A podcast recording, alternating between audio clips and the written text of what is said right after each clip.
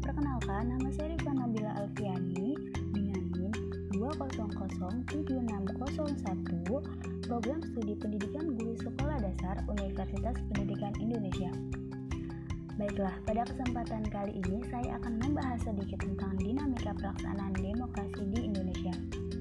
Apabila kita lihat mengenai dinamika dalam pelaksanaan demokrasi di Indonesia itu, maka tidak dapat dilepaskan dari pelaksanaan dinamika demokrasi ataupun pengertian dari demokrasi dalam pelaksanaan ataupun kontekstualnya.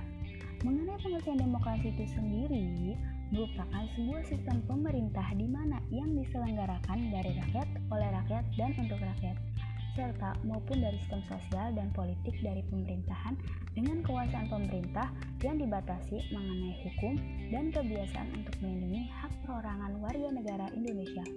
Dan dasar demokrasi itu selalu mengacu pada rakyat mengenai yang pertama adalah pelaksanaan kekuasaan negara itu sendiri ialah wakil rakyat yang terpilih karena rakyat yang segala kepentingannya akan diperhatikan. Yang kedua adalah mengenai cara melaksanaan kekuasaan negara dengan senantiasa mengingat untuk memenuhi kehendak rakyat. Yang terakhir adalah batas kekuasaan negara demokrasi ditentukan dengan sebanyak mungkin memperoleh hasil yang diinginkan oleh rakyat menyimpang dari dasar demokrasi. Sedangkan dalam penerapan di negara kesatuan Republik Indonesia, demokrasi itu sendiri dapat dipandang sebagai suatu mekanisme dan cita-cita hidup berkelompok yang ada di dalam UUD 1945 yang disebut kerakyatan.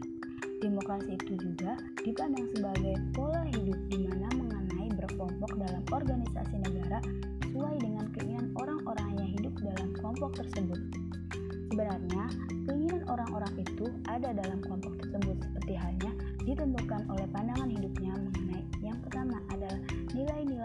falsafah Pancasila atau pemerintahan di mana oleh dan untuk rakyat berdasarkan dari sila-sila Pancasila yang berlaku.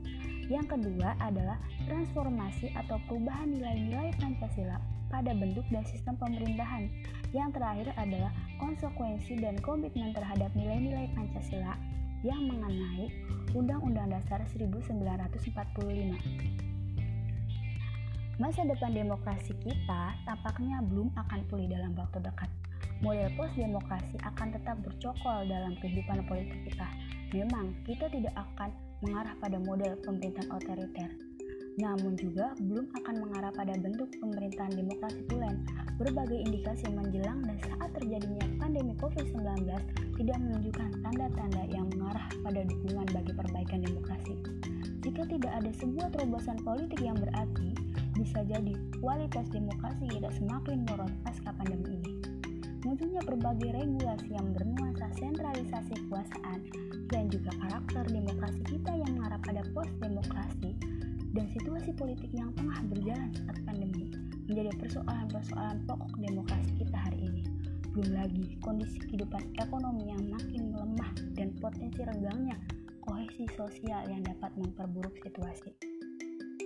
Di satu sisi, kita harus mulai waspada agar resesi dan konflik seperti yang terjadi di Lebanon ketika rakyat semakin lapar dan frustasi tidak terjadi di tanah air.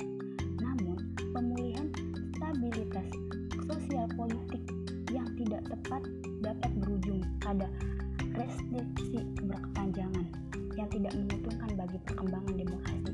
Sebuah situasi yang menyebabkan pegiat demokrasi harus melupakan tidur yang lebih panjang lagi.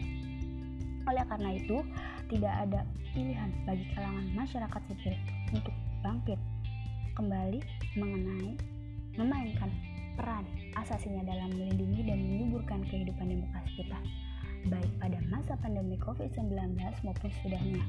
Kerja kolektif para pihak yang peduli terhadap kualitas kehidupan demokrasi harus semakin digiatkan sebagai bentuk tanggung jawab moral dan konstitusional anak bangsa. Mungkin cukup sekian yang dapat saya sampaikan. Terima kasih atas perhatiannya. Kurang dan lebihnya saya mohon maaf. Semoga apa yang saya sampaikan barusan